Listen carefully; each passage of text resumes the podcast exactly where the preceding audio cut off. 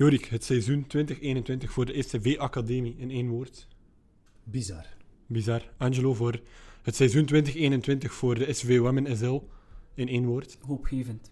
Hoopgevend. Met bizar en hoopgevend starten we deze vierde aflevering van de SV-kast.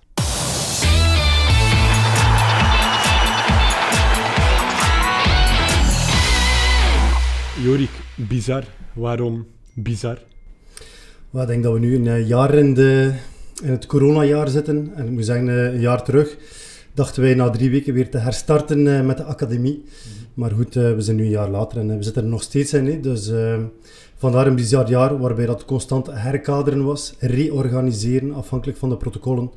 Dus het heeft heel veel gevraagd van onze mensen, maar ook van de leden en van de ouders om ja, in mogelijkheden te denken in moeilijke omstandigheden. Dus uh, niets is geweest zoals dat het moet zijn bij een normaal seizoen. Vandaar uh, het wordt bizar. Ja. En Angelo, van waar de keuze voor jou wordt? ik denk vooral uh, in een nieuw seizoen in Super League dat we toch wel de nodige stappen gezet hebben. En met de transfers die ondertussen allemaal getekend hebben, zijn we echt wel hoopgevend. En we zijn zeer blij in de coronatijden dat we nog mogen blijven voetballen. Dat we toch nog onze job mogen blijven doen. Dus zijn we wel hoopgevend naar volgend jaar toe dat dat toch wel echt, echt meer zal zijn. En vooral hopelijk met publiek. Mhm. Oké, perfect. Om deze podcast verder te starten, ehm, hebben wij een nieuwe rubriek.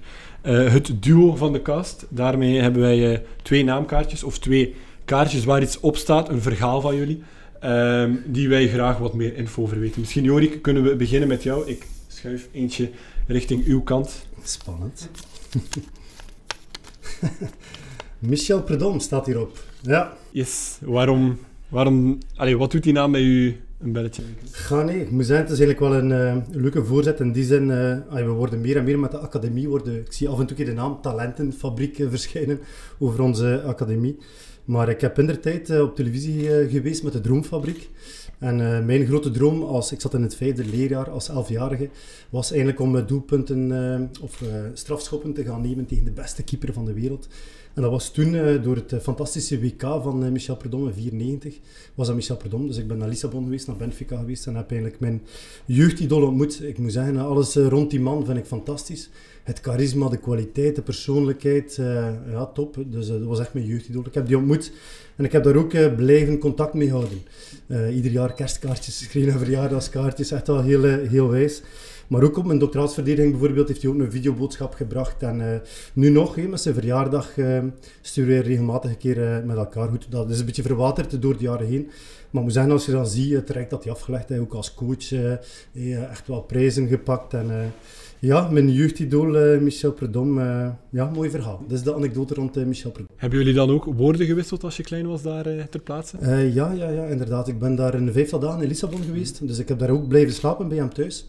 Uh, bij zijn toenmalige vrouw en toen uh, Gillian ook, uh, bij zijn twee kindjes. Die waren toen nog wat kleiner. Dus ik heb eigenlijk ja, daar in de privé eigenlijk volledig omarmd, geweest, omarmd geweest. En ook met Benfica ben ik dan in die kleedkamer geweest en dan in dat fantastisch stadion daar in Lissabon geweest. Dus ja, hele warme mens ook. Hele warme persoonlijkheid ook. misschien denken mensen, Michel Perdom is een winnaar. Dat klopt ook als coach. Maar naast het veld als mens een super warme persoon. Ja. ja. En Kijken jullie daar nu nog op terug, zoveel jaar later? Denken jullie nog terug aan dat ene moment? Goh, ja, dat is, uh, dat is voorbij. In topsport uh, zijn er geen achteruitkijkspiegels. Um, maar goed, met zijn zoon. Ja. Zijn zoon zit nu in de makelaarwereld. dus ik kom nu ook wel in contact met zijn zoon eigenlijk. Dus de voetbalwereld is een kleine wereld. En ik ben um, een, ja, een, paar jaar terug op Club Brugge geweest voor een jeugdmeeting. En Michel was daar ook. En dan hebben we inderdaad bijgebabbeld. En ik ben wat mijn wilde haren verloren, hij zelf ook. Maar we, we kenden elkaar nog en dat was altijd een, een leuk en hartelijk weerzien. Ja. Oké, perfect. Dan gaan we kijken naar mijn andere kant. Dan gaan we eens naar uh, Angelo. Dan, uh, dan stuur ik misschien in een fotootje om te beginnen, um, die we teruggevonden hebben op sociale media. Benieuwd naar het verhaal die daarachter schuilt. Misschien even vertellen voor de luisteraars wat er juist te zien is op, uh, op die foto. Dat is een foto met Jean-Marie Pfaff en mezelf. Dus uh, dat was op de Sparkle uitreiking in Oostende. Dat was uh, ja, de toenmalige gouden schoenen voor uh, de beste vrouwelijke speelster in de competitie. Of de beste vrouwelijke speelster alleen in totaal. Maar vooral belangrijk is, ik had toen een uitnodiging gekregen van Tessa Willard om dat mee te maken. En ik denk vooral hey, dat dat een, een zeer intrinsiek persoon was, een, een, een, verschijning. En oké, ik heb veel sympathie voor die mensen en zeker voor zijn carrière. En uh, tijdens de receptie dacht ik van oké, waarom niet? Gaan we daar even een keer proberen uh, ja, een uh, net een gesprek mee voeren. En ik denk vooral dat die mensen zeer loyaal was. En ja, we hebben toch wel wat kleine dingen kunnen vertellen tegen elkaar. Maar natuurlijk als er zo'n persoon bij u staat, wil iedereen daar toch wel tegen praten. Dus het was een minuutje of twee, maar het was toch wel impressionant. En wat ging er dan zo allemaal om in dat gesprek? ik denk vooral dat ik ook gevraagd heb van kijk, ja, dat leven is buiten buiten het voetbal, omdat hij ook altijd in de picture stond met, met zijn serie De Fafs. En uh, hij heeft ook gezegd van blijf altijd jezelf. En uh, dat is een altijd het belangrijkste. En dat is iets dat ik gewoon onthouden heb, uh, wat hij vertelde. Want die mens heeft zoveel charisma, ja, dat je tijdens gesprek enorm tot rust komt bij hem. En dat vind ik wel fantastisch aan die, aan die persoon. Het was duidelijk dus nog in het begin van de receptie, want misschien op het einde van de receptie waren er misschien andere gesprekken. Uh, ja, dan... Uh, ik denk vooral uh, dat hij al naar race was en uh, dat ik toch wel proberen... heb juist nog vast niet gedaan. Oké, super. Dan kijk ik terug naar Jorik en schuif ik de tweede en dan ook de laatste naam van deze rubriek richting jouw kant. Ja, Hein van Azenbroek staat op het kaartje. Ja. Uh, ja, ik moet zeggen, ik, uh, ik ben eigenlijk geboren en getogen in Lauwe. En uh, ja, ik heb ook uh, altijd in White Star Lauwe gespeeld als jeugdspeler en daar ook doorontwikkeld. En moet zeggen, ja, de kracht ook nu van de academie is gewoon waarde creëren. En zijn die jonge jongens die de kansen afdwingen richting dat eerste elftal. En ik zelf, als, als ik een jaar of 18, 19 was in White Star Lauwe, was de toenmalige coach Hein van Azenbroek de hoofdcoach in White Star Lauwe. En hij is eigenlijk ook, uh, zijn papa is jeugdtrainer in White en hij is ook een Lauwenaar. En uh, ja, ik moet zeggen, dan heb ik eigenlijk de kracht van vertrouwen gevoeld en geloof in u gevoeld. Dus hij heeft er mij bijgenomen als jonge snaak eigenlijk in de eerste ploeg en mij gegidst en enorm begeleid. En ja, ik moet zeggen, de, de passie en de inspiratie voor het voetbalspel ik echt wel geleerd via Hein van Azenbroek. Uh, ik vond dat uh, ja, die man uh, eet en slaapt voetbal. En ja, dat begon de, ja, met schuim op de lippen aan de wedstrijd. En dan wist je perfect hun tegenstander wat hij ging doen en waar dat de sterktes en zwaktes lagen. En Hein heeft mij ook enorm geïnspireerd als beginnende coach. Ik, ik heb master in opleiding gedaan, Universiteit Gent, sporttraining voetbal. En goed, de eerste jaren als beginnende coach leerde het meest uit. Angelo zat dat ook wel beamen. De eerste jaar als coach is was zoeken. En eigenlijk eh, was er toen weinig stagebegeleiding, maar de trainingen van de jeugd, ik trainde toen de provinciale knapen, dat zijn de 15, 16-jarigen, die trainen altijd voor de training van de eerste ploeg.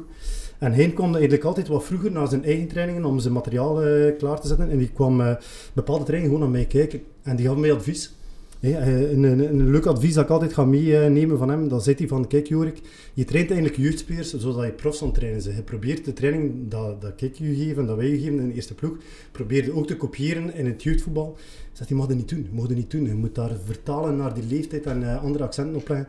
Ay, geef ik maar mee, dat is iemand die mij uh, ja, enorm geïnspireerd heeft. Hij ook uh, nadien nog verschillende keren ook tegengekomen eigenlijk en het pad gekruist. En een hele goede vriend van mij werkt ook in de A-ploeg van, uh, van A-agent.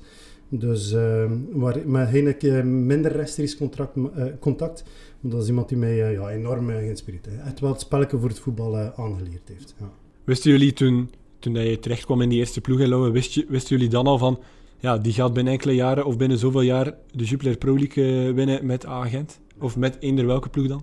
Ja, natuurlijk heb je nooit geen garanties in het voetbal, hè. maar toch wel. Toch wel. Ik moet zeggen, verschillende andere coaches had. Kenneth Brille had, Angelo Nijskes had, ook lokale trainers in Waterloo. Maar hij, ja, hij is een grote persoon en een grote persoonlijkheid. Als hij de kleedkamer binnenkomt, uh, ja, dan, uh, dan zwijgt je als speler. En uh, moet zijn zeker ook wat hij bracht aan het bord. Dat was, dat was top.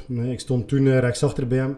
En dan wist je als je in balbezit komt, afhankelijk van de loopacties die voor u gebeuren, dan wist je waar dat die, die bal heen moest. Dus dat is iemand toen al met enorme kwaliteiten. En ik herinner mij dat we ook de beker, dat was eigenlijk denk ik mijn mooiste moment in mijn voetbalcarrière, dat wij in White Star Lauwe de, de, ja, ik dacht de enigste finale van de beker van België gespeeld hebben tegen KV Kortrijk. Voor 2000 mensen. En ik weet niet of dat je al geweest in het stadion van Lauwe. Het is wel een heel gezellig stadion, maar toen dat 2000 mensen, was een fantastische wedstrijd. Oké, we verliezen hem wel met 0-2. Maar uh, toen, dat jaar daarna, is uh, dan naar KV Kortrijk uh, gegaan. En de rest is geschiedenis. Hij een fantastisch kampioen gespeeld. En ja, een fantastisch parcours had als coach, maar je kon dat inderdaad toen al zien. Ja. Oké, perfect. Dan Angelo, het laatste kaartje is voor jou. Het is geen naam, maar het is meer een, een avontuur dat we bij jouw omgeving hebben teruggevonden. Oké, avondklok bij het uitgaan. Ja, misschien iets nader verklaren voor, uh, voor de luisteraar, want... Goh, ik denk vooral uh, dat het een beetje te maken heeft met de staf. Uh, we komen allemaal zeer goed overeen en staan allemaal op dezelfde golflengte. Natuurlijk na de wedstrijden dit jaar, eh, ja, winnen of verliezen, hebben we toch wel een prioriteit van gemaakt om, na de wedstrijd toch wel eentje te gaan nuttigen. natuurlijk coronaproof. En ja, oké, soms kan dat wel gaan uitlopen. Dan gaan we bij de, onze afgevaardigde, bij Steffen Vernieren, soms nog een keer langs om daar toch wel een slaapmutsje te gaan drinken. Maar natuurlijk kan dat soms wel gaan uitlopen. En ja, dan kan het dan af en toe wel een keer na 12 uur zijn. Niet laat na 12 uur. Maar dat is wel iets dat we toch wel rekening moeten mee houden dat dat toch wel soms niet het geval is. Ja, wel, we, we, lieten ons ook vertellen bij, bij de voorbereiding van deze SV-kast dat jij vroeger in het uitgaan ook, ook vaak die, die, die 12 uur als, als, als klok zag van oké, nu ben ik weg. Heeft dat een reden? Of... Want heel veel van je vrienden vroegen zich dat ook af. Toen werd het stil. Ja, toen werd het inderdaad stil. Ga, laat zeggen, uh, als we uitgaan, ben ik altijd uh, in het begin zeer enthousiast. Uh, niet alleen verbaal, maar ook af en toe met, ja, met het alcoholgebruik. dat is wel verbeterd, laten we duidelijk zijn, met de jaren. Maar natuurlijk, ja, um, ja, als je er soms niet goed tegen kunt, kun je inderdaad al wel vroeger naar huis zijn. Natuurlijk, als je de zon nog een keer zelf voetbalt, ja, moet je natuurlijk wel proberen jezelf te verzorgen. En uh, dan was ik meestal als een van de eerste naar huis. Sommigen hadden er wel vraagtekens bij van, hm, was het door de alcohol of is het voor de voetbal? Maar uh, eh, 75% van de keren was het wel voor de voetbal. en je zegt voor het voetballen, uh, op welk niveau heb je dan zelf gevoetbald? Um, ik heb in uh, vierde provinciale, derde provinciale gespeeld en in tweede provinciale bij Dierlijk Spoor ook. Dan kunnen we verder gaan naar eigenlijk het, het middenstuk waarvoor we hier zitten voor onze SV-cast. Jorik, dan begin ik misschien bij jou. Zekerheid was er dit seizoen nooit. Jeugdtoernooien, ja, gaan die doorgaan, gaan die niet doorgaan. Trainingen met beperkte groepen, met grote groepen. Wedstrijden die niet konden doorgaan. Hoe zwaar weegt dat als, ja, in jouw functie als sportief coördinator van de SV-academie? Ja, hoe zwaar heeft dat gewogen dit seizoen? Ja, het is een, nogmaals een bizar jaar geweest. Het was inderdaad constant herkaderen op basis van de protocollen. En uh, herkaderen ook bij alles en iedereen. En uh, goed, ik denk dat wij als Sotwara moeten onze verantwoordelijkheid opnemen. En we hebben daar ieder gaatje waar we door konden. En we blijven een aanbod uh, garanderen. Omdat, goed ja, onze jongeren, we hebben 500 leden. die hebben nu nood aan elkaar te zien, die, die jonge jongens en meisjes. En, en te connecteren via, via voetbal. En ook voor onze oudste jongens, elite jongens, die zijn een profcarrière aan het ambiëren. Dus die ontwikkelingstijd mag daar niet, niet stopgezet worden. Maar ik denk dat het, uh, wat we meest gemist hebben afgelopen jaar, is echt wel dat fysiek connecteren. Hè. Angelo uh, gaat dat ook wel uh, erkennen. Zotwarem is een familiale club. En ik ga zeggen, de medewerkers van Zotwarem zitten op elkaars begrafenis. Allee, niet op elkaars begrafenis, maar de, de begrafenis van familieleden. Maar even goed zitten wij op elkaars trouwfeesten en op de babyborrels. En dat is allemaal niet kunnen doorgaan dit jaar. Dus uh, puur dat fysiek contact merk je toch wel aan de mensen dat dat eigenlijk het uh, grootste gemis was uh, binnen onze SCV-academie. Ehm, goed, uiteraard waren er wel luchtmiddelen met de dames die veel hebben kunnen doen. Ik herinner mij de, de wedstrijd hier, de witte wedstrijd voor, de, voor de zorg. Ik was hier ook aanwezig, dat was echt een fantastische belevenis eigenlijk die wedstrijd. Dat je dan ziet hoe dat iedereen achter onze damesploeg zich schaart. Dat zijn de fantastische momenten, dus er waren wel wat lichtpunten. Want ik wil niet te veel. Ik kreeg ja, toevallig gisteren nog een vraag van een journalist die sprak over de verloren generatie. Maar ik vind dat een beetje, beetje populistische praat. In die zin van, oké, als profclub, dan moet je zorgen, ook in moeilijke omstandigheden, dat je een beleid voert. We hebben dat ook dit jaar gedaan. Eh, de, de, de gekende Johan Cruijff zei, ieder nadeel heeft zijn voordeel. En bijvoorbeeld in de tweede lockdownfase in november hebben we echt wel gezegd, ook met de mensen van de staf van de A-kern, kijk, laat ons nu de jongens die het goed doen bij de B-kern ook de mogelijkheid geven om vast aan te pikken bij de A-kern. En die jongens zitten er vandaag nog bij. Dus wil ik maar zeggen, ook de, de COVID heeft ook wel uh, processen versneld. Het is niet allemaal kommer en kwel geweest. Uiteraard is dat een moeilijk jaar geweest. Maar uh, we blijven denken in mogelijkheden en we hebben er het beste van gemaakt. Zoals je zelf zegt, hè, heel wat spelers uit de academie maken ook die stap richting Aken. Dat is absoluut geen makkelijke stap, dat zien we in het profvoetbal. Toch, dit seizoen is het heel opvallend bij Zulte Waregem. Ewout Platings, die als kapitein wordt aangeduid. Jannes van Ecke, die heel goed gestart is aan het seizoen. Mathieu de Smet, die, die op een bepaald moment in die starting elf komt. En, en nog andere jonge, jonge mensen die, die in die ploeg komen. Goed tevreden, goed ja, hoe fier ben je dan als, als sportief coördinator van de SV Academie dat die jongens, ja, als, als jij die, die starting elf ziet, hoe fier ben je dan? Ja, dat is fantastisch. Dan ben je super fier. Ik moet zeggen, als je hier met je medewerkers van de academie het debuut ziet van Ewout tegen Antwerpen twee jaar terug, dat zijn de momenten waarom dat je een academie runt. Met heel veel mensen, we hebben 180 losse medewerkers binnen de academie, geven wij het beste van onszelf. En als je dan ziet dat jongens die door vele handen gepasseerd zijn in een jeugdwerking, dat die dan een droom kunnen realiseren en hier prof worden en uh, debuteren op het eerste aftal, ja, dan is die betrokkenheid uh, zo groot. Hè. Ik herinner me nog bij het debuut van Ewout. Uh, Ewout had nog een examen moeten afleggen s morgens en dan s'avonds moest hij eigenlijk debuteren tegen een Bocani van Antwerpen. En als je dan, dan ziet eigenlijk die beladenheid, die betrokkenheid van de mensen, die sociale media die ontploffen, ja, dat is, dat is een jongen van ons. Hè. En dat is fantastisch om mee te maken. En ja, gelukkig dat het niet gestopt is bij, bij Ewout. Hè. Er zijn verschillende andere jongens geweest. En nu dit jaar, alles bij elkaar, zijn er acht, we noemen ze even eigen jongens. Hè. Uh, niet iedereen zit hier van zijn zes jaar, maar we noemen het wel eigen jongens. Hè. We hebben ook zelf gaan recruteren of het geloof aangewakkerd bij verschillende jongens. Die zitten hier vast in onze A-kern. Dat is 1 op 4. Dat is ongezien, denk ik, uh, in het Belgisch voetbal. En uh, ja, we hebben de laatste drie jaar enorm snel die stappen gezet. En we moeten er nog zetten. Hè. Uh, heel benieuwd wat er nog zit aan te komen. En er zit nog wel het een en het ander aan te komen. Het enige dat je een beetje merkt soms, dat mensen zeggen van kijk, ik ga toch benoemen, dat ze zeggen van kijk, Zotowarem kiest voor jeugd. Het is een gedwongen keuze. Het geld is op. Hè. Laat ons heel transparant zijn vind ik een beetje goedkoop, omdat dat eigenlijk uh, zeker niet het geval is. De, de clubeigenaars hebben uh, eind januari, en moet zeggen dat ook wel voor een enorme vertrouwensboost weer gezorgd bij onze medewerkers van de academie. Uh, de clubeigenaars nu, de drie mensen eigenlijk, hebben echt wel een nek uitgestoken en echt wel kleur bekend. En hij zegt van kijk, we willen hier een stabiele club hebben en nog nog extra gaan investeren in deze club en de uitbouw van deze club, maar ook in de academie. om je een voorbeeld te geven, de jonge jongens die nu getekend hebben, Martijn Beenhard, Sheikh Jan, ik zelf was daar ook aanwezig, dat zijn heugelijke momenten voor de jongens. Ja, de drie clubeigenaars, uh, die waren daar aanwezig en die zeggen van kijk, what's next? Die zijn enorm betrokken en enorm gemotiveerd om de jongens daar te brengen. En als je nu ziet, Mathieu, Ewout, dat zijn jonge rode duivels. Dat is niet omdat er geen geld zit in Zoutewaren dat die jongens daar die kansen krijgen en afdwingen. Dat is gewoon omdat die jongens uh, ja, kwaliteit hebben, kwaliteit tonen. En denk de belangrijkste volgende stap, naast het brengen van, van de volgende uh, jongens, is die jongens ook spelbepalend te maken. Nee, als je nu ziet, Ewout heeft 50, 55 wedstrijden speelt in eerste klasse, was bij elkaar 10 jaar is net hetzelfde.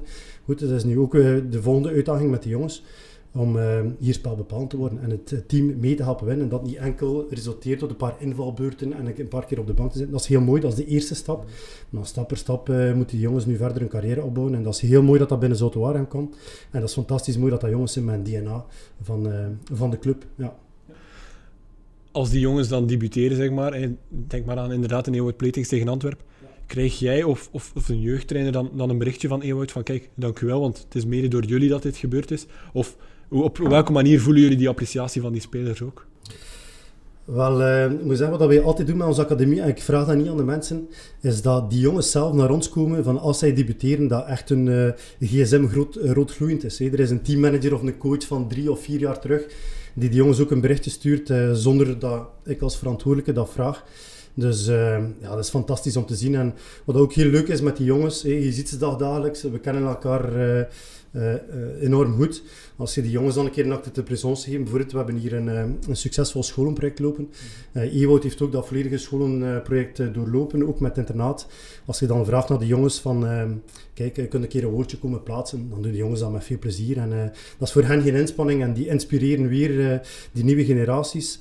En die uh, wakkeren het geloof aan. Want ik ga zeggen, ik ben in 2017 teruggekeerd van de voetbalbond.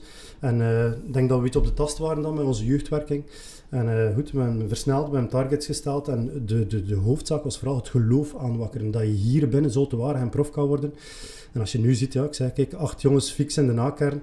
Uh, dan merken wij dat vroeger moesten wij jongens overtuigen ook een stuk voor nee, echt goede targets extern om tot hier te komen. Maar nu komen ze zelf aan kloppen omdat ze voelen dat er hier iets leeft uh, binnen Zoutwaarhem. En dat is, ja, dat is een heel krachtig verhaal. Ja we, halen het net aan, hè, de, de, spelers, de mannelijke spelers die doorgroeien. Hè, maar Angelo, jij als, als T1 bij, bij, onze, bij onze Super League dames, ja, we merken daar toch ook, daar, ook daar zitten producten uit eigen jeugd. Hè. Meisjes die al, die al verschillende generaties, zeg maar, verschillende ja, stromen meegemaakt hebben hier bij, bij onze dameswerking. Is dat ook bewust? Is dit iets om, om trots op te zijn ook? Ja, natuurlijk. Uh, we zijn super trots, want laat ons uh, duidelijk zijn, er is niets mooier dan een jong talent die uh, opgeleid geweest is binnen de club van jongs af aan toch een vaste waarde te, te gaan noemen ook in het Super League verhaal. En denk maar aan een Lisa Capio, een Amber Bert, nu Mighty de Bats die na nieuwjaar volledig doorgeschoven is. Dat maakt ons trots, maar we willen nog zeker en vast daar nog meer op de jeugd gaan inzetten. En alles gaat ook een beetje gepaard met kwaliteit en standvastigheid in de Super League zelf. En uh, we hebben nu toch wel een aantal doelgerichte transfers gedaan. Maar het belangrijkste is de komende jaren dat we toch wel meer in uh, eigen boezem gaan kijken wat er mogelijk is. En uh, ik denk vooral dat de samenwerking met de academie top is. En dat we toch wel veel samen zitten ook om die dingen te gaan bespreken. Dus het is niet enkel jongens en, en, meisjes en dames apart, maar vooral het is één geheel. En we zitten daar veel samen met Jurik rondom en alle betrokken mensen. En ik vind het toch wel belangrijk dat iedereen daar zijn eigen insteek een beetje over heeft. En uh, we hebben fantastische opleiders ook bij de dameswerking die er dag in en dag uit uh, toch wel mee bezig zijn en die hun job fantastisch doen. En laat ons hopen dat we binnen hier en twee jaar toch wel uh, ieder jaar twee speelsters kunnen doorschuiven naar de nakern. Want dat is een, een logische en gezonde doelstelling.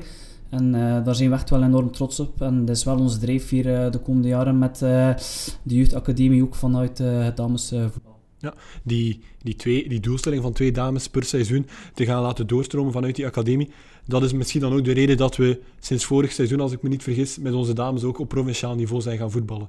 Of schuilt daar een andere reden achter? Ja, nee, het is, uh, we hebben inderdaad, zoals dat Angelo terecht aanhaalt, we spreken daar ook vaak uh, over van kijk, wat zijn de volgende stappen binnen de dameswerking naar verder professionalisering toe. we hebben nu fantastische stappen gezet de laatste jaren met de herenwerking, naar, naar de jeugdopleiding toe. De volgende stap is de dameswerking. En goed, naar alle eerlijkheid, ik kom daar x aantal jaar achter. In die zin van, uh, goed, het, gaat inderdaad rond kwaliteit, het gaat over extra trainen en dergelijke meer. En het gaat om een krachtige leeromgeving te creëren voor die meisjes. En dat is inderdaad door provinciaal te gaan spelen bij de jongens. Omdat dat, de Tessa Willaert, uh, Tessa Willaert heeft hier nog gespeeld in de jeugd van de Zotwarm. Ik kende goed, Angelo. maar Tessa heeft ook heel lang bij de jongens gevoetbald, omdat dat voor haar de meest uitdagende omgeving was. Dus wij geven die mogelijkheid ook binnen Zotwarm mee. Meisjes kunnen ook provinciaal voetballen bij ons tot een bepaalde leeftijd. En dan moeten ze naar de autonome meesterswerking. Maar vooral de kracht van de dameswerking en de volgende stap die we nu op inzetten is het uh, scholenproject. We merken eigenlijk, uh, goed, Ewout, Mathieu, Jannes, Sheik ook die nu komt kijken, Martijn Beenhard, zijn allemaal jongens die ja, tot zeven keer in de week getraind zijn, ook in combinatie met school. En daar voldoende rust en een goede voeding. Ja, dat is de volgende stap in onze meesterswerking. Dat we daar inderdaad, uh, zij trainen nu drie keer in de week, onze meesters, dat ze daar ook twee supplementaire extra training kunnen hebben op een goed niveau met goede jeugdopleiders, hier in samenwerking met Groenhoven. En we zijn dat eigenlijk net opgestart en we hebben in een maand tijd een vijftal meisjes die er gaan op instappen. Dus dat is een, een belangrijke eerste domino-steen, de meesterswerking. Als er een ene domino-steen valt, dan kan de rest snel gaan volgen. Dus dat is inderdaad een belangrijke volgende stap. Ja. Misschien dan een, een, vraag voor allebei. Hoe snel, want Angelo, je bent ook nog jeugdtrainer geweest, dat weten we. Um, hoe snel zien jullie aan, aan jonge talenten van, oké, die, die gaan het maken. Jorik, jij, jij, dan misschien ook met je ervaring nog als trainer ook bij, bij de nationale ploeg, bij de U15. Hoe snel weten jullie van, ja, die jongen of, die of, dat meisje, ja, die, die staan er... Uh, Mag ik antwoorden, Angelo? Ik vind dat een super interessante discussie, omdat ik zelf heb een doctoraat gedaan, vier jaar over talentontwikkeling in voetbal. En als je nu kijkt puur naar de praktijk, dan is voor mij talent niet de vaardige jongen op 6 of 7 jaar die fantastische dingen kan doen met een bal. Veel is gelinkt aan de jonge leeftijd, aan trainingsleeftijd. En een stukje van met wie uh, heb je waar gespeeld. Uh, voor mij talent komt echt aan de oppervlakte in de allerlaatste fase. Eerlijk waar, ik heb nog, ik heb inderdaad in nationale ploegen 15 tot uh, eh, 17-jarigen begeleid. En ik heb op 15 jaar de, toen high potentials, die eigenlijk de high performers waren. Ik ga het niet te technisch maken, maar ik uh, volledig zien afdwalen. Nee? De, de toppers, uh, eens niet op een 50 jaar, maar ook in andere richting. Ik ga je zeggen, als je ziet naar Mathieu en een Ewout, uh, die waren op een 14, 15 jaar, uh, waren dan niet de toptalenten binnen hun generatie. ik ga zelfs zeggen, ik heb Ewout gehad in de lichting van 2000. Ewout zat bij mij niet in Nationaal Ploeg U15, omdat naar handelingssnelheid en dergelijke meer, dat er wel nog wat werkpuntjes waren. Maar als je dan ziet hoe dat zo'n jongens zich ontwikkeld hebben, dan komt voor mij talent echt aan de oppervlakte in de moeilijkste fase en dat is de laatste fase. als je, we halen uh, vaak Ewout aan, maar ja, het is wel zo, als Ewout zijn examen moet doen, de zaterdagmorgen, uh, en daardoor de vrijdag eigenlijk heeft hij een training gemist, zaterdagmorgen doet hij zijn examen en dan krijgt hij hier te horen dat hij s'avonds moest spelen tegen Antwerpen, tegen een Bocani, in een bijna een vol regenboogstadion, 10.000 mensen, en die blijft overeind, dat is talent. Dat is talent. En dat is niet op 12-jarige leeftijd iemand die 500 keer de bal kan hoog houden. Dus uh, wij schatten in in onze academie rond de leeftijd van 16 jaar kunnen we echt al gaan inschatten, oké, wie heeft de potentie en ook de mentaliteit, want vergis je niet, je kunt spreken over tactiek en je kunt spreken over techniek, maar het is de persoonlijkheid, de mentaliteit, de wil om opofferingen te maken, die het verschil maakt in de eindfase. En dat is talent en dat, uh, dat zijn de jongens die uh, kunnen doorgroeien. Ja, leuke discussie. Ben je het daarmee over eens, eh, Angelo, met wat Jorik... Uh... Ja, natuurlijk, klopt. Uh, ik denk vooral ook in het damesvoetbal, dan meisjes, ja, met alle respect, en dames veel meer inspanning moeten gaan leveren om op een bepaald niveau te geraken ook. Als je bekijkt ook naar school, af en toe de zaterdagmorgen ook gaan werken om een extra centje bij te verdienen, de zaterdagmiddag gaan voetballen. Maar als je ziet nu naar onze jonge talenten die in de nakern dit jaar zitten, ja, dan denk ik vooral ook uh, dat alles ook begint met de juiste attitude, met de omkadering. Niet uh, op eh, voetbalgebied ook, maar ook de thuissituatie is enorm belangrijk. Hey, ouders die hun kinderen rustig laten groeien in dat verhaal en dat ze maar vol aan opstaan. En als ze nog een keer goed begeleid worden op de club, denk ik vooral dat het wel het belangrijkste is. tot het slagen van een, een, een, meisje die van jongs af aan tot in de A-kern kan geraken. En als je de juiste mentaliteit hebt, de, de juiste goesting en de juiste drive, denk ik vooral dat je ver kunt geraken. En ja, als je nog een keer dat talent erbij hebt, dan, uh, dan, dan, dan ziet dat er allemaal positief uit. Maar ja, talent moet keihard werken, dat van vandaag om te geraken waar ze willen staan. Maar als je daar dan staat, dan heb je nog altijd dat karakter mee om daar te blijven staan. En dat vind ik enorm belangrijk bij een, een jonge speelster of een jonge speler. Ja, misschien even op inpakken, omgeving is inderdaad cruciaal. Mm Dat is echt cruciaal. Iedereen zegt van kijk, talent is aangeboren. Je, snelle spiervezels en een stukje volume is aangeboren. Maar al de rest is trainbaar en is je omgeving, zowel coaches als ouders als andere inspiratiebronnen die je ontwikkelen. En, uh, misschien een leuke anekdote zonder namen te noemen. Ik ben zelf nationaal jeugdtrainer geweest uh, bij U15. Wat we altijd deden bij een eerste stage was persoonlijke gesprekken. En ik zat samen met een 15-jarige jongen. En uh, dan vroeg ik van, kijk, hoe ziet u uzelf het binnen Hey, uh, naar volgend jaar toe, binnen twee jaar. En die jongen zei, ja coach, volgend jaar speel ik het Europees kampioenschap. Maar ik zei, kijk, je vergist u, want dat is pas binnen twee jaar. Je bent U15, dat is pas binnen twee jaar. Nee, nee, zei coach, je begrijpt me niet goed. Zegt ik heb de kwaliteit om daar binnen twee jaar te staan.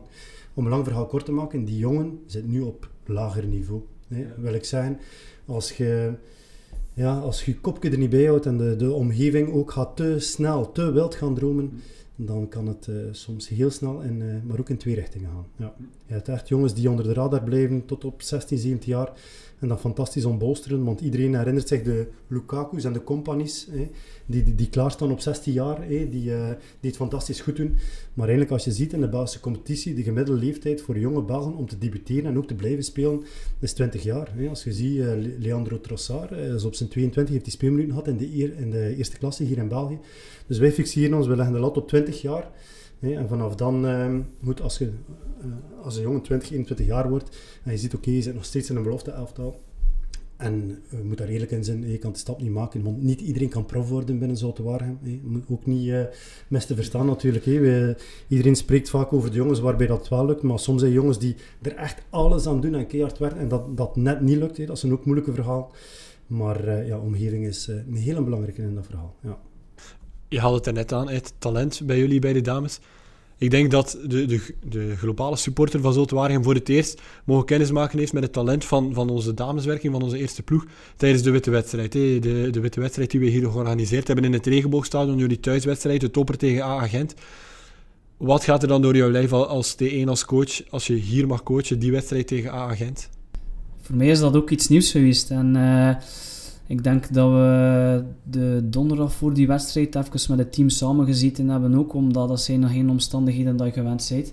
En proberen daar de rust te bewaren. Maar natuurlijk als je hier toe komt en ja, de, denk voor 1500 uh, eh, mensen dat je speelt en heel de entourage van uh, de academie is hier, de coördinatoren, uh, het bestuur, ook de, de, de, voorzitter van de dames, ja, dan dat doen ons enorm veel plezier, plezier en ook met Patje Crimson.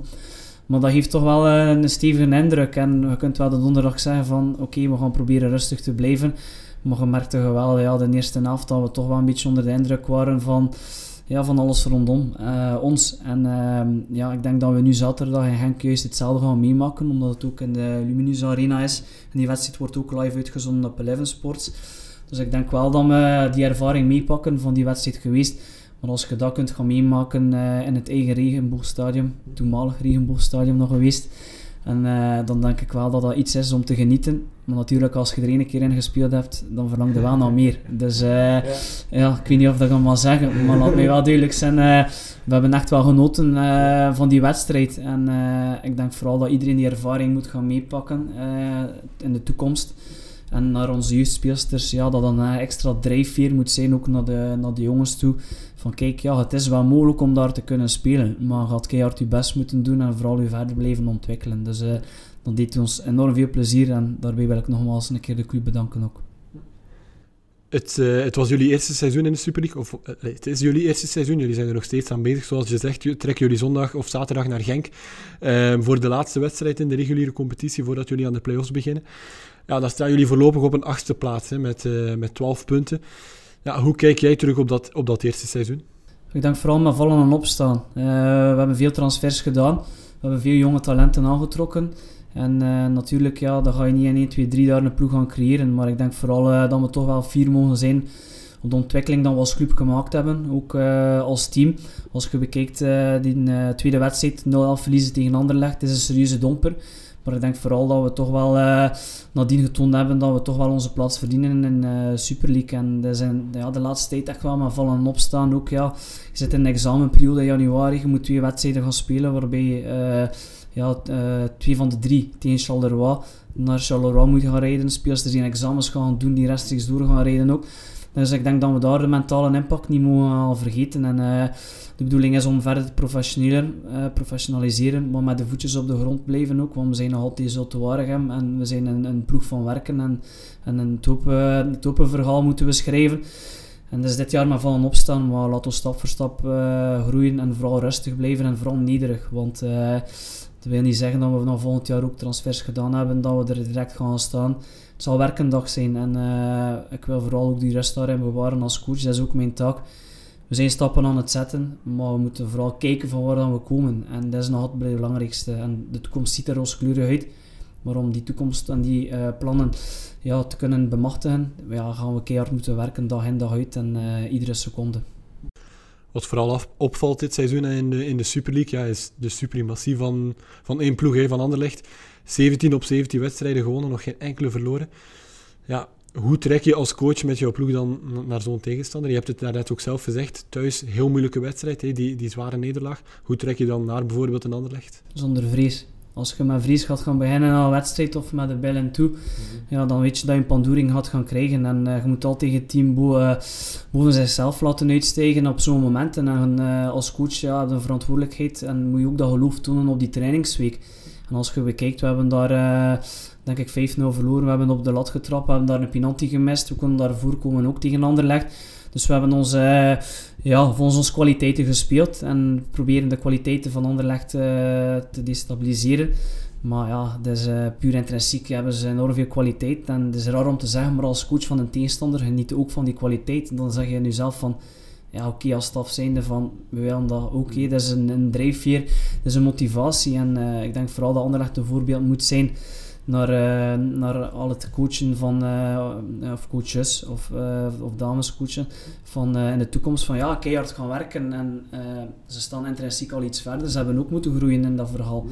En ja, we hebben daar, ja, toch ondanks die 5-0 verliespartij hebben we wel enorm genoten om als als je daar zag, was pure professionalisering. Uh, topspeelsters die net nationaal damesvoetbalteam spelen, ja, dan moet je met bewondering er naartoe kijken. En uh, als je daar met je eigen identiteit kunt gaan spelen, ja, dan denk ik vooral dat we daar enorm veel ervaring op gedaan hebben. En dat zie je wel de voorbije wedstrijden geweest, ook tegen een Gent, tegen een standaard, dat we ja, ons niet van het kastje naar de muur laten spelen hebben en dan enorm veel geleerd hebben uit die wedstrijd. Jullie staan, zoals ik daarnet zei, op plaats 8 en ja, aan de vooravond van de play-offs bijna. Wat was het doel in het begin van het seizoen voor uh, de Super League dames? we worden, uh, als we eerlijk mogen zijn, toch wel uh, boven de nieuwkomers gaan eindigen. Ik denk vooral dat Woluwe nu een klein beetje ja, moeilijk zal zijn. En dit weekend is er nog in Charleroi. Dus we moeten ook de hand in eigen boezem gaan steken dat we onze target niet gehaald hebben. Door omstandigheden ook, door wat blessures en, en dergelijke. Een beetje pech op de, op de verkeerde momenten. Maar laat ons wel duidelijk zijn, in play-off 2 worden de punten gehalveerd. En dan is het onze doelstelling om op het einde van play-off 2 toch wel boven die teams te gaan eindigen. Die fantastische ontwikkelingen ook gemaakt hebben, die teams. En uh, het niveau is dichter bij elkaar gekomen. En de, de, details van de wedstrijd gaan bepaalde dingen gaan beslissen of dat je een punt, drie punten of geen punten pakt. Maar play-off 2 gaan we wel al met uh, de nodige gezonde ambities. En uh, zouden we zeer graag daar staan. Maar natuurlijk, ja, moest ik een glazen bol hebben, uh, zou ik me daar direct gaan zetten en dan zou ik ervoor tekenen. Maar we gaan keihard moeten werken en we gaan alles geven en we zien waar we uitkomen. Hm, Oké. Okay. Uh, Jori, kom nog even naar jou te komen. Ja, hedendaagse voetballers waren in, in, hun, in de jeugdafdelingen soms afgeschreven. Denk maar aan een Dries Mertens bijvoorbeeld, die afgeschreven was bij, bij Anderlecht bijvoorbeeld. Maar dat is toch iets dat meer en meer naar voren komt, dat de spelers die nu het A-kern halen, die nu in de Jupiler Pro League spelen, ja, bij de jeugd ergens toch afgeschreven waren. Hoe komt dat? Kan je dat verklaren, hoe dat, dat net in zijn werk gaat? Het, uh, het veel onderliggende oorzaken. Uh, Dries Merten was eerder, eerder de laatmaturiteit, uh, waarbij dat hij heel klein en freel was, tot op een oudere leeftijd. Ehm, ik, ik heb geleerd, mijn ervaring heeft geleerd om jongens niet te vroeg af te schrijven. En ik denk dat het, het feit dat, dat jongens niet top zijn op hun 14, 15 jaar, dat dat net eigenlijk voor die persoonlijkheid en die mentale weerbaarheid zorgt om iedere training opnieuw, ook al hebben ze het moeilijk, Nee, bijvoorbeeld Ewo ook het eerste jaar, Sheik ook zijn eerste jaar. Hebben het echt lastig gehad hier binnen Zoutwaregem. Maar dan hebben ze eigenlijk een basis gelegd voor uh, ja, persoonlijkheid, mentale weerbaarheid. En dat dat de kracht is dat je inderdaad in veel verhalen hoort. Ja, natuurlijk ook de andere verhalen, van jongens die top zijn op een acht jaar en die top blijven tot hun 28ste of later. Maar ik denk dat dat wel de grote kracht is, dat jongens die het moeilijk hebben en die de wil hebben om er te komen, uh, er alles aan doen om sterker te worden en een droom te realiseren, no matter what. En uh, ja, ik denk dat daar wel een grote Lig je daar dan ook, ja, schuld is misschien een zwaar woord, maar ligt de verantwoordelijkheid daar dan ook wat bij de academies, bij de, jeugdwerkingen, dat ze soms te snel gaan beslissen, dat ze niet genoeg geduld hebben? Met bepaalde, met, bepaalde spelers? Ja, ja, dat is een beetje afhankelijk natuurlijk van academie tot academie. Ik denk dat Voetbal Vlaanderen ook, eh, door de competities ook te schrappen tot en met U13, dat ze zeggen, kijk, op jongere leeftijd eh, spelen wij niet met klassementen, dat daar een stukje de druk weg is. Ik ga zeggen, nu ook, wij hebben geen competitie en eigenlijk is het, eigenlijk is het is een beetje paradoxaal, maar het is eigenlijk fantastisch leuk werken. er moeten geen keuzes gemaakt worden in het weekend. Met uitzondering natuurlijk van onze Super League. Angelo heeft voldoende lastige keuzes. Uh, dat zijn positieve keuzes, laat dat duidelijk zijn. Maar uh, nee, we hebben geen wedstrijden eigenlijk. En je ziet dat die beleving op training, iedereen is winnaar nu. En iedereen, niemand wordt ontgoocheld doordat hij wat minder speelt in het weekende. Um, en goed, ik denk dat dat um, ja, de, de, de kracht is van... Ja, academisten vroeg afschrijven. Ik heb al geleerd om jongens niet te vroeg af te schrijven. Als ze, zeker als die mentale weerbaarheid daarin zit en als die persoonlijkheid daarin zit. Um, en goed, de, de, de, de, kracht van de jeugdopleiding is, je hebt tijd nodig. Hè. Je hebt tijd nodig. En ik heb dat al vaak gezegd ook, jeugdvoetbal staat in België een stukje onder druk. Je hebt uh, de, de, buitenlandse eigenaars, die er niet op uit zijn, of minder op uit zijn om eigen jeugd te laten doorontwikkelen. Je hebt de Jupiler League, die wereldwijd wordt uitgezonden. In, in uh, Amerika, in Azië, zit men niet te wachten op een jonge jongen van Zwevegem of Gerardsbergen, die debuteert hier binnen Zoutewaregem. Je hebt een stukje ook de minimumlonen voor niet-EU-spelers, noem maar op. Uh, en eigenlijk jeugd jeugdopleiding vraagt tijd. In een wereld waarbij dat tijd, time is money in, uh, in profvoetbal. Ja. En dat is natuurlijk wel de kunst om geduldig met profielen stap per stap die ontwikkeling uh, daar te zetten en het hoogst mogelijke te bereiken en ook de omgeving rustig te houden. Hè. Want je soms spelers die in de spiegel kijken, de, dus de, de, de, de paradox van de, de poes die in de spiegel kijkt en een leeuw ziet staan, maar soms ook omgeving, ouders of, of, of begeleidingspersonen die uh, daar nog een grotere leeuw zien staan, dat de speler al zelf ziet staan. En dan wordt het wel lastig om dan nog uh, goede richting te geven aan een ontwikkelingsproces. En uh, ja, niet te vroeg afschrijven en vooral gaan, gaan focussen en, en gaan, gaan recruteren op basis van persoonlijkheid. Ja. Angelo, Jorik Geef hier al de mosterd weg, hè. Geef hier al de mosterd, de mosterd weg, hè. um, Jorik zei het net, hè, geduld is heel belangrijk.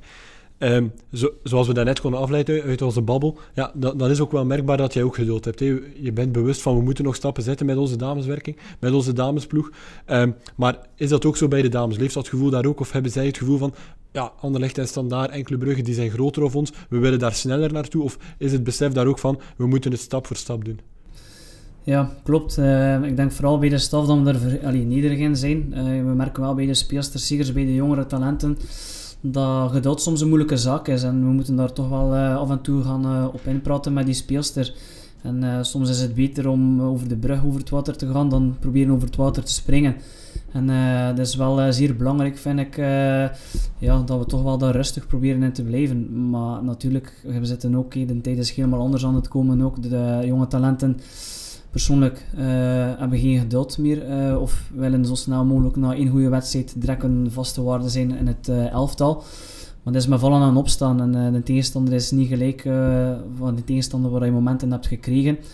Maar uh, geduld is een mooie zaak en als je geduld hebt, dan zeg ik altijd in een persoonlijk gesprek, ja, als je geduld hebt, je wordt altijd beloond. En meestal van die keren is dat wel zo. Maar we merken wel de dag van vandaag dat we toch wel een klein beetje moeten gaan temperen. Ja. Nee, dat is een belangrijke. Nee. Ook bij ons naar de recrutering toe, als we een speler uh, binnenkrijgen en uh, heeft op vijf jaar tijd vijf verschillende clubs gehad, dat zijn niet de beste verhalen. Dat zijn, uh, die, die jongen heeft, ook meisje, heeft stabiliteit gemist, heeft eigenlijk van die integratieproces op het andere gewerkt en weinig geduld, weinig loyaliteit ook aan een organisatie. Dat geduld is inderdaad een mooie deugd, zoals dat men zegt. nee, dat klopt. Ja. Wel, ik denk dat we met deze mooie eindquote kunnen afsluiten. Maar we gaan nog één kleine rubriek eraan toevoegen.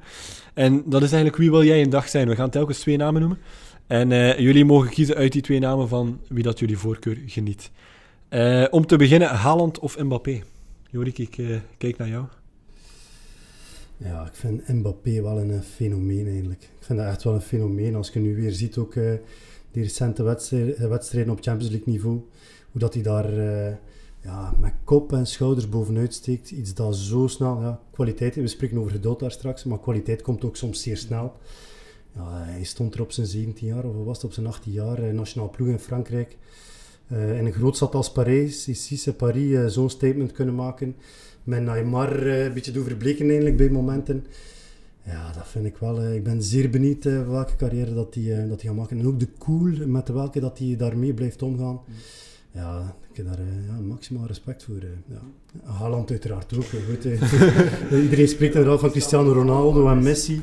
Maar ja, dat zijn inderdaad... Zijn dat de volgende twee? Ja, ja, je hoort dat uh, bij, bij, alles en iedereen en de mensen die het internationaal voetbal volgen, dat zij de komende tien jaar inderdaad het internationale voetbal zullen bepalen. Nee? Dus dat wordt daar nog een leuke strijd voor de ploegen om die binnen te rijden. ja, dat is gewoon, zoals Angelo daar straks zei, ook om Anderlecht te zien spelen bij de dames.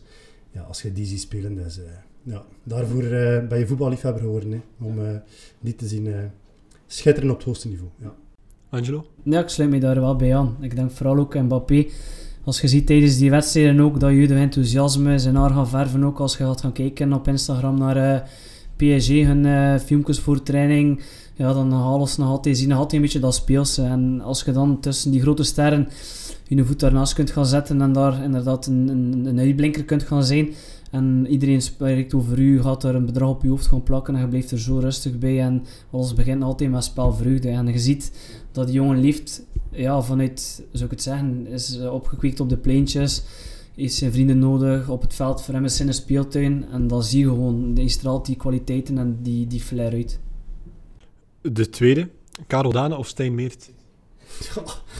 Ja, dat is ik heb met alle twee samengewerkt. Hè. Uh, Stijn is hier belofte trainer geweest en, uh, en uh, Karel is bij ons nog altijd jeugdtrainer. Ja, daar, ik ga even mijn joker inzetten. Het zijn twee fantastische mensen die hier ook heel veel betekend hebben in de geschiedenis van, van Zoute. Ehm, ik zal daar mijn joker inzetten. Goh, ik denk vooral als, als, als mens en als je kijkt puur qua Alleen hoe dat hij in zijn club op opgewerkt heeft, is dat Karel Dane altijd een beetje de coole flair, altijd uh, nuchter in alles. Natuurlijk, als je puur kijkt naar uh, het voorbeeld van een echte winnaar zijn, dan ja, Stijn Meerten met die fase met van, van standaard geweest, dan tonen dat je echt wel lief voor je club, dat je echt een winnaar bent. En dat vind ik wel, die, ja, die twee dat zijn wel voorbeelden ook, dat je kunt gebruiken naar een jeugdspeler van kijk, ja, het enthousiasme, de nijdigheid, het logo met veel plezier gaan dragen. En als kapitein zijde nodige rust die uh, u in bepaalde situaties verstandig gaan opstellen. Ja, natuurlijk ook als Karel Dane zijnde een, een goed verbindingstuk met de coach. Ja, dan denk ik wel dat we enorm veel sympathie voor die twee spelers mogen hebben. En uh, dat zijn boegbeelden en elk op, zijn, op, allee, op hun kwaliteiten. Maar ja, dan, dan kies ik toch wel iets meer voor het Steen zijn, omdat dat een klein beetje aanluidt naar de speelstijl dat ik graag zie om dan af te sluiten, heb ik nog één dilemma, zeg maar, wie dat jullie een dag willen zijn. Is dat Yves Serneels of Roberto Martinez? Ik zal eerst Angelo laten antwoorden op deze. Voor mij is dat moeilijk, omdat ik zit in damesvoetbal en ja, ik denk wel, uh, Yves Serneels heeft al veel bewezen in het voetbal. Maar ik denk vooral ook, uh, ja, als ik eerlijk mag zijn, heeft mee maar uh, Martinez. Gewoon de flair, de manier van omgang, van waar dat hij komt. In Engeland uh, topcoach geweest, nu met België volledig opnieuw moeten alles bouwen. heeft echt een structuur uitgewerkt en is inderdaad ook bezig met het damesvoetbal. En dat is nog altijd een beetje het uitgangsbord van, van de voetbalbond. En ja, geef mij maar Martinez gewoon ook ja, zijn manier van coaching is enorm rustig naar de buitenwereld, maar ik kan me niet voorstellen in de kleedkamer dat hij nog altijd zo rustig is. Dus dat is wel uh, iemand dat ik wel een keer voor een dag zou willen zijn. Voor mij is het wel lastig. Ik heb ook met de beide heren samengewerkt in de voetbalbond. Dus ik heb wat scoutingswerk ook gedaan voor Roberto bij de Rode Duivels. En met Yves zat ik eigenlijk samen op bureau in, uh, in Tubeke. Dus voor mij is dat weer uh, een, een, hele lastige keuze. Nee, heb geen joker meer? Nee, dan kies dus niet twee kinderen, omdat ik voor die mensen maximaal... ik heb geen joker mee. Maximaal respect heb ja, maar ik moet zeggen, Roberto heeft wel een diepe indruk op mij gelaten. In die jaren dat ik in de voetbalbond uh, werkte, dat is een gentleman, dat is echt ook een hele warme persoonlijkheid. En uh, hij laat niets, ja, familieman ook, laat niets aan het toeval over. Kan zijn team enorm betrekken in Hans het verhaal. Hey, bijvoorbeeld, ik was verantwoordelijk voor Estland, herinner ik mij. En dan zit je met hem samen en speel je eigenlijk een wedstrijd voetbal, waarbij dat zegt van, kijk, jij bent nu de coach van de Rode Duivels en ik ben de coach van Estland. En mijn scoutingsrapport speelde in een wedstrijd eigenlijk na. En dan zegt hij van, kijk, moest je nu mee zijn, welke keuzes zou je maken? Ja, we zijn dat waren fantastische, inspirerende gesprekken. Maar goed, moest er wel boenkom zitten natuurlijk. Maar uh, waarbij dat ja, maximale betrokkenheid. Hij deed dat niet enkel met mij, hij deed dat ook met Hans en team. En uh, ook nu nog de mensen die eronder werken. Hè. Chris van Puivelde ken ik ook uh, zeer goed, die er heel nauw bij, mee gewerkt heeft. Dan is dat iemand die enorm veel betrokkenheid toelaat in zijn staf. Een enorme gentleman, enorm gerespecteerd wordt als mens. Maar ook als coach, hè. pas op. Tactisch is dat is dat een zeer bedreven trainer. Eh. Dus uh, goed, als ik iemand mag zijn, dan, uh, dan zal dat wel Roberto zijn. Hij zit aan het einde van een gouden generatie, Rode Duivels. Hij laat ons hopen dat ze nog even langer meegaat. Oké, het EK komt eraan, het WK komt eraan. Dus ja, dat is echt op het hoogste toneel dat je met fantastische speelsgroep kunt gaan werken. Dus dan uh, ga ik nu wel kleur bekennen, dan mag het wel. Ja. Oké, dan wil ik jullie allebei heel erg bedanken voor, voor deze toffe babbel, voor deze leuke podcast. Angelo, alvast heel veel succes. Zondag, eh, of zaterdag tenminste, in, uh, in Genk. Hopen op drie punten en uh, een plaats in de playoffs. Dank u vriendelijk. Dank u wel.